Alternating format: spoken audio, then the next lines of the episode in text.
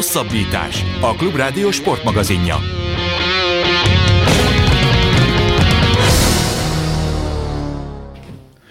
Köszöntöm a hosszabbítás kedves hallgatóit, Farkasvölgyi Gábort hallják. A mai magazin műsorunkban két témával fogunk foglalkozni. Elsőként Szántó Petrával fogok beszélgetni, az Eurosport tenisz kommentátorával, akivel beharangozzuk majd a közelgő és a 2020-as teniszezon első Grand Slam tornáját, a az Ausztrál open amelynek megrendezése a bozótüzek miatt azért több kérdést is felvet.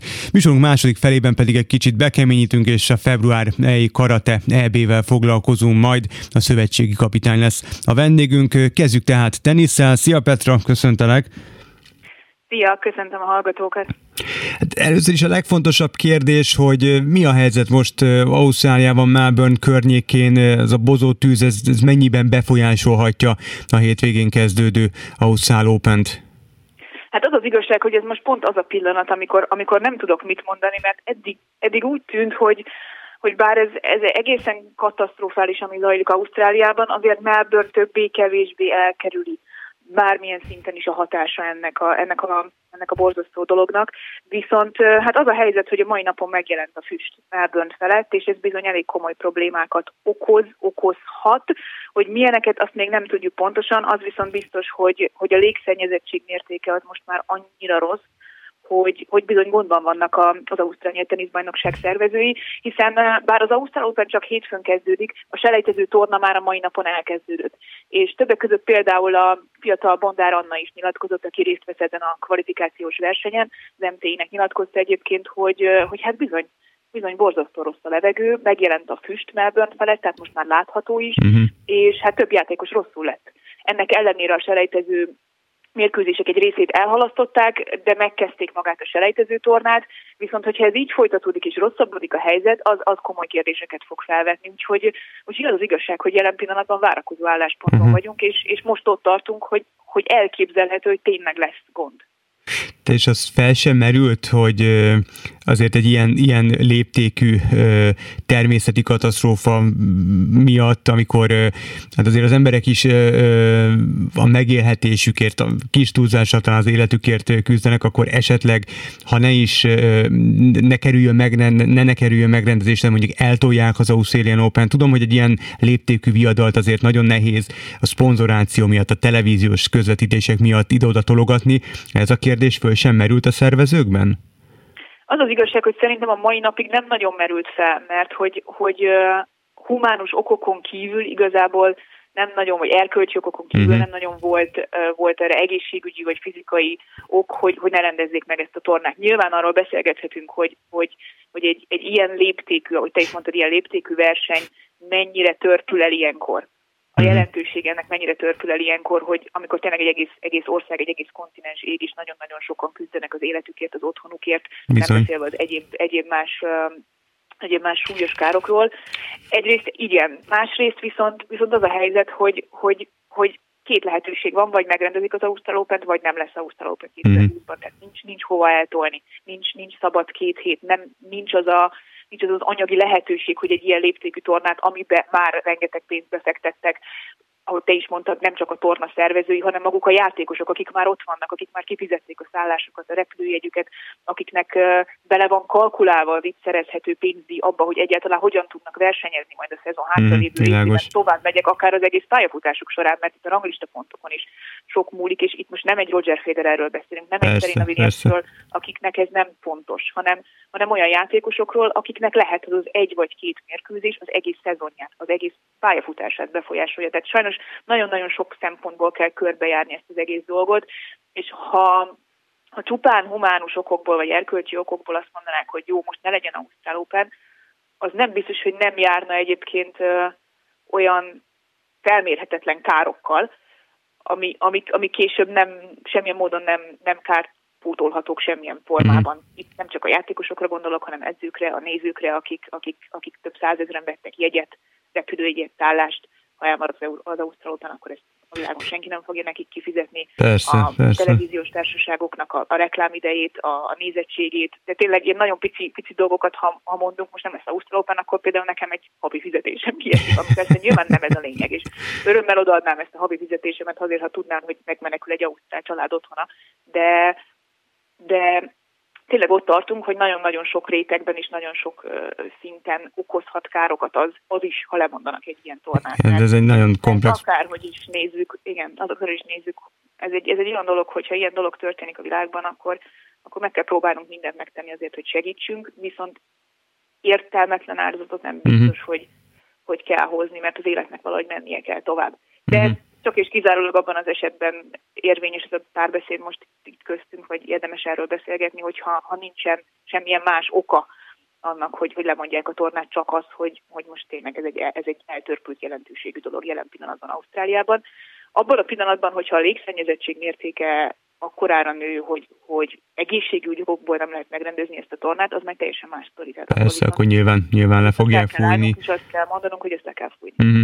És van valamiféle ütemterv, tehát erről lehet tudni, akár mennyire is előbb említetted, hogy egészen a mai napig nem volt semmi jele annak, hogy a füstfelhő vagy bármi eléri az Australian Open környékét, hát Melbourne környékét, már azért mégis változott a helyzet, tehát most ilyen rapid gyorsasággal készültek valamiféle ütemtervel a szervezők? Lehet erről valamit tudni? Én, én biztos vagyok benne, hogy, hogy készültek valamivel, tehát van, vannak, vannak ilyen menekülési útvonalak tervek, de az az igazság, hogy jelen pillanatban szerintem ők, ők, ők óráról órára uh-huh. élnek, és, és széltérképről széltérképre mennek, vagy nem tudom, ez pontosan hogy működik, mert, mert eddig nem volt arról szó, hogy a selejtező tornának az elkezdése is problémákba ütközhet azzal, hogy, hogy folyamatosan halasztják a, a selejtezős meccseket, um, azt hiszem, hogy, hogy az elsődleges ütemterv az az, hogy megóvják a játékosokat bármiféle egészségügyi problémától, és nem csak a játékosokról van szó, hanem az ott dolgozókról, a, a, a nézőkről, mindenkiről.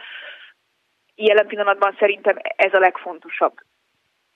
Én azt hiszem, hogy, hogy várni fognak hétfőig, mert a selejtező tornákat legrosszabb esetben meg lehet rendezni fedett pályán, vagy valahol, vagy a selejtező mérkőzéseket meg lehet rendezni a fedett pályán, vagy bármilyen más helyszínen, az, az talán nem oszt, nem szoroz, az nem hiszem, hogy egy olyan, olyan kaliberű dolog lenne, ami, ami miatt az egészet már most tornózni kéne. Hogy azt, hogy egy Ausztrál Open 226-os főtáblával egyéni páros, vegyes páros, kerekes székes junior versenyekkel együtt meg lehet rendezni ilyen körülmények között, az már egy, ez már egy nagyon nehéz kérdés. Úgyhogy én szerintem kivárnak hétvégig, mert ugye van még hát, szűk egy hetünk, amennyit rosszabbodhat a helyzet, annyit javulhat is. Igen, azért ez, ez érdekes, amit felvetsz, és, és gondolom, hogy a, a laikus hallgatók, vagy a, a, akár a laikus tenisz rajongók sem gondolnak talán abba bele, hogy milyen elképesztő e, számú mezőn gyűlik össze egy ilyen Grand Slam tornán, ahogy említetted, férfi mezőny, női mezőny, juniorok, kerekesszékesek, tehát hogy itt elképesztő több száz játékosról van szó, és akkor még a hozzájuk tartozó stáb, a szervezők, a rendezők, a nézők, stb. Tehát akkor arról még nem is, nem is beszéltünk, tehát azért itt, itt igencsak észnél kell lenni, hogyha bármiféle csúszással, vagy, vagy bármi, bármi ilyesmivel terveznek a szervezők. Tételezzük fel, hogy, hogy remélhetőleg tényleg minden rendben lesz, és valami isteni segítséggel sikerül megfékezni a, a, a bozott tüzet és, és ezt az egész katasztrófát valahogy végre kordában tudják tartani. Elkezdődik az Australian Open az erőviszonyokra, az esélylatogatásra egy kicsit térjünk ki, de elsőként kezdjük talán a magyar játékosokkal. Lesz magyar résztvevő az idei kiírás során? Természetesen lesz, ennek nagyon örülünk. Ahogy már említettem, hogy Bondár Anna a kvalifikációban próbálkozik a feljutással, nyilván neki ez három mérkőzést kell nyernie, hogy feljuthasson a, a főtáblára, ez nem lesz egy könnyű, főleg a jelenlegi körülmények között nem lesz egy könnyű szituáció, nem is inkább, mert ő még soha nem szerepelt az Ausztrália bajnokság selejtezőjében, de szurkolunk neki. Ugyanakkor viszont ugye Pucsovics Márton és, és Babos tíme a révén azért női és férfi egyéniben, illetőleg női párosban is természetesen számítunk arra, hogy, hogy lesz, lesz sikeres szereplés, vagy legalábbis bízunk benne, hogy lesz sikeres szereplés. Kucsovics Márton esetében azért most egy picit talán aggódhatunk, hiszen bár neki az elmúlt hét látszólag jól sikerült, azzal, hogy a Dohai tornán selejtezőből feljutott a főtáblára, és eljutott a negyed döntőig. Viszont a negyed döntőben nagyon simán kapott ki, ami így most utólag visszanézve a, a, az eheti felkészülési versenyét vel összefüggésben azért azt mondom, hogy egy picit talán aggályos lehet, hiszen ő a, ezen a héten úgy döntött, hogy részt vesz egy Challenger tornán, nem egy, egy hivatalos ATP tornán, hanem egy picit alacsonyabb szintű tornán, ahol ő volt az első kiemelt, próbál majd bemelegíteni az Ausztráliai teniszbajnokságra, ami szerintem stratégiailag egy nagyon jó döntés volt, hogy, hogy meccseket játszhasson. A, ezt, a, ezt a versenyt egyébként például Canberrában uh, rendezték volna, de ott, ott aztán tényleg annyira rossz a helyzet, hogy ott nem lehetett tenisztornát rendezni szabadtéren, és el is tették egy másik városba ezt a Challenger versenyt. Itt az első meccsén Marti feladni kényszerült a küzdelmet az első szedben, ami, ami hát nem jó hír így az Ausztráliai teniszbajnokság előtt. Pontosan még nem tudjuk, hogy ez sérülés, vagy esetleg erőléti problémák, esetleg valamiféle betegség oka volt, de ez így a kettő együtt, azt mondom, a, a negyed döntő Dohában, illetőleg most az első Ausztrál meccs, egy picit, picit aggasztó, de bízom mhm. benne, hogy nem súlyos sérülés, és nem erőléti problémákról van szó, hanem, hanem esetleg valamilyen betegségről. Erről majd szerintem következő napokban azért több mindent fogunk tudni. Ha egészséges Marci és nem sérült, akkor nagyon-nagyon bízunk benne, hogy egy szerencsés sorsolással lehet menni. Neki amúgy fekszik ez a torna? Tehát ez a borítás, ez, ezt neki találták ki? Um, kitalálták ki. Szerintem ez egy a kemény pályák között egy gyors borításnak számít. A Martin kifejezetten a gyors pályákat szereti, és nem véletlen, hogy az Ausztráliai teniszbajnokság az a Grand Slam tornája, eddig a legnagyobb uh-huh. eredményt ért el azzal, hogy néhány évvel ezelőtt 8 döntőbe jutott, és csak Roger Federer állította meg. Szóval az emlékek is, a, a, a szezonkezdés, maga az időzítés, minden, minden fekszik Marcinak.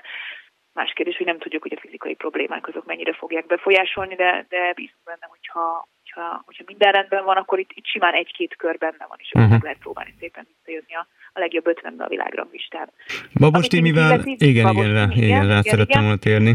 Hát neki, neki ugye az egyéni, egyéni teljesítménye az egy nagyon nagyon nehézkes dolog, mert nem tudjuk pontosan, hogy milyen, milyen állapotban és milyen szinten van. Azt tudjuk, hogy fél évvel ezelőtt azért ő talált magának egy olyan csapatot, akikkel úgy tűnik, hogy nagyon jó úton halad, és nagyon-nagyon komoly munkát tesznek bele abba, hogy, hogy visszatérjen Timi arra a szintre, ahol volt egyéniben is néhány évvel ezelőtt.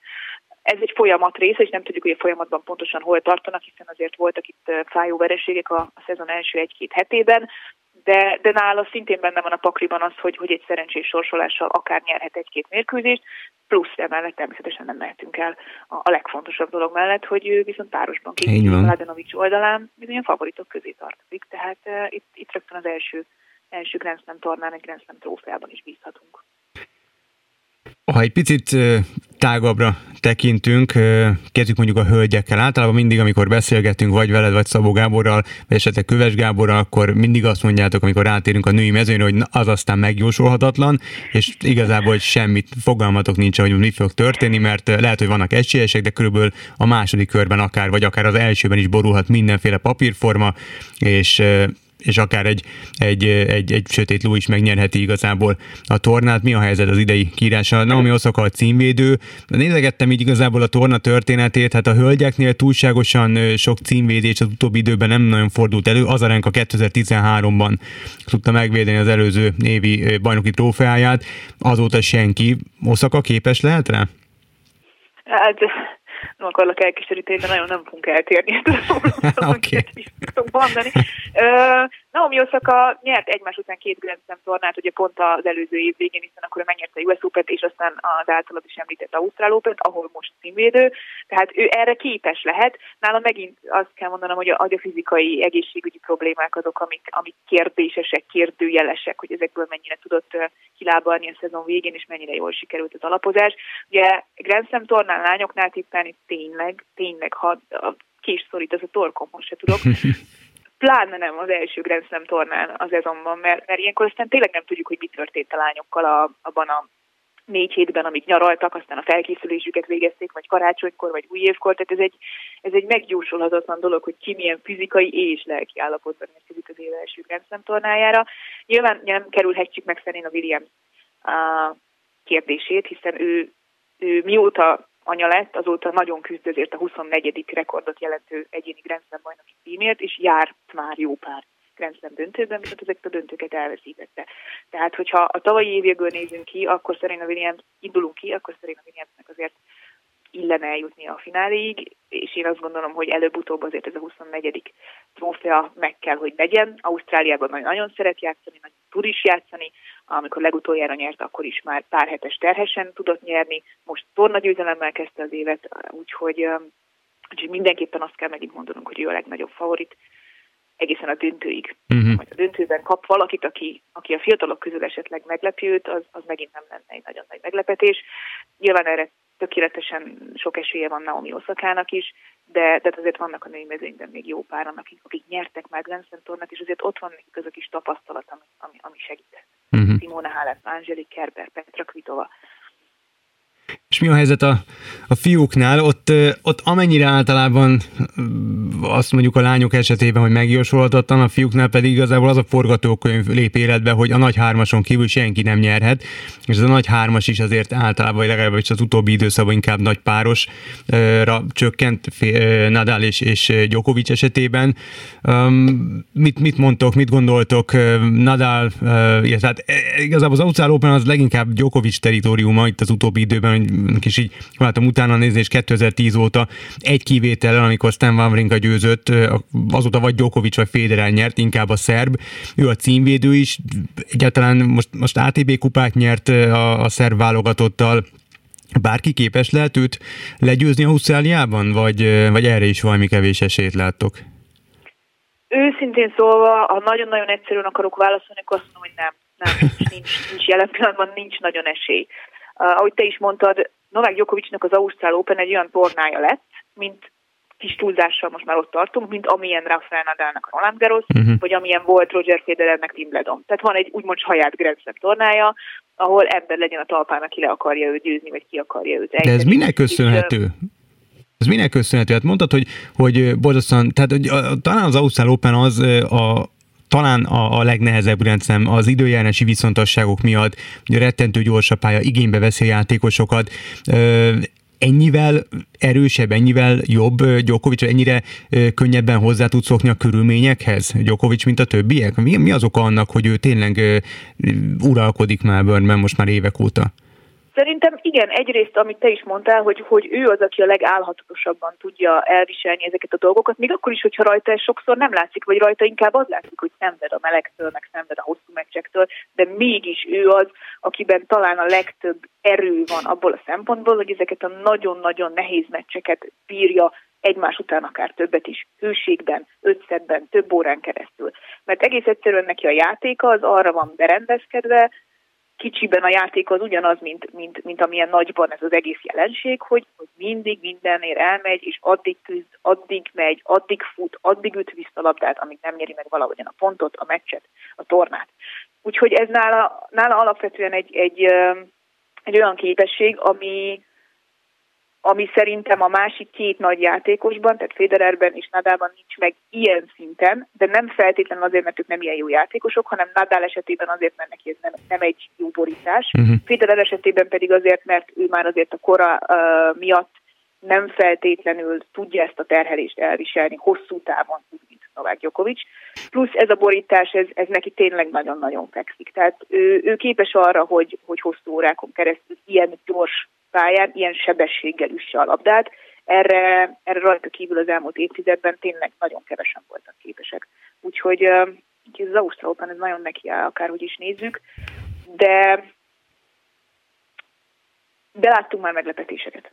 Ha jól Nála is azt lehet mondani, hogy, hogy a fizikai, fizikai kérdések, tehát, tehát ha bármi, bármi beüt, ha, ha őt bármilyen módon esetleg zavarja az, hogy, és ez, ez benne van a pakliban, hiszen ő azért félig meddig egy aszmás uh-huh. játékos, és ha bármilyen módon esetleg ez a füst, ez, ez őt, őt zavarja, akkor, akkor itt azért ezt kihasználhatják az ellenzők. Hát reméljük, hogy nem ezen fog múlni. Emlékszem, hogy legutóbb talán Wimbledonban volt olyan, hogy, hogy hát nyilván ott aztán abszolút a, a, lehet a borításról beszélni, illetve az, hogy az most kinek fekszik, kinek nem, ki van hozzászólva, ki nem, de ott, ha jól emlékszem, volt valamiféle alománia a labdával kapcsolatban is, hogy most ez mennyire volt puha vagy kemény, mennyire feküdt ott a borításnak.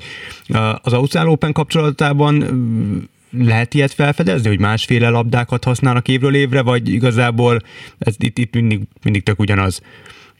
Nincs, nincs igazából nincs két egyforma pálya, én azt hiszem, hogy Grand Slam tornán belül sem. Ez nyilván a fű és a salak esetében érthető is, hiszen azt, azt nem lehet feltétlenül mesterségesen befolyásolni, hát vannak külső tényezők is, uh-huh. amik, amik bezavarhatnak. Kemény pályát azért lehet alakítani így vagy úgy vagy amúgy, és nyilván a kemény pálya viszonyát és a labdához.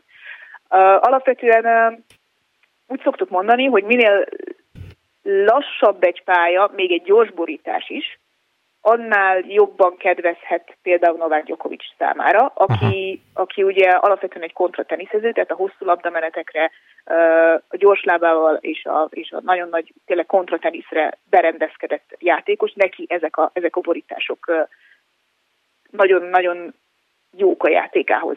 Szokták mondani, hogy Wimbledon is egyre lassabb, ezért uh-huh. van egyre kevésbé hogy mondjam, hatalma Roger Federernek, aki úgy alapvetően a gyors és rövid labdamenetekre esküszik, és az, az a játék a, a füzes pályán különösen nagyon hatékony tud lenni. Mióta lassítják a mindazani pályát a füzet, azóta nem véletlenül nyertek olyanok is Wimbledoni tornát, nem egyszer, nem kétszer, akikről ezt elképzelni nem tudjuk. Uh-huh. Az, hogy Rafael Nadal a királyként nyert nem egy Wimbledont, az többek között ennek köszönhető. Az, hogy Novak Djokovic is meg tudta verni Roger Federer a Wimbledoni Center pályán döntőben nem egyszer, nem kétszer, az is ennek köszönhető. Viszont ez fordítva is igaz lehet az Ausztrál Operre, tehát ott is próbálhatják minél inkább gyorsítani, lassítani, és azért volt két olyan év, amikor nagyon gyors volt a pálya, nem mhm. véletlenül egyébként Roger Federer abban a két évben tudott nyerni Ausztrál Open-t.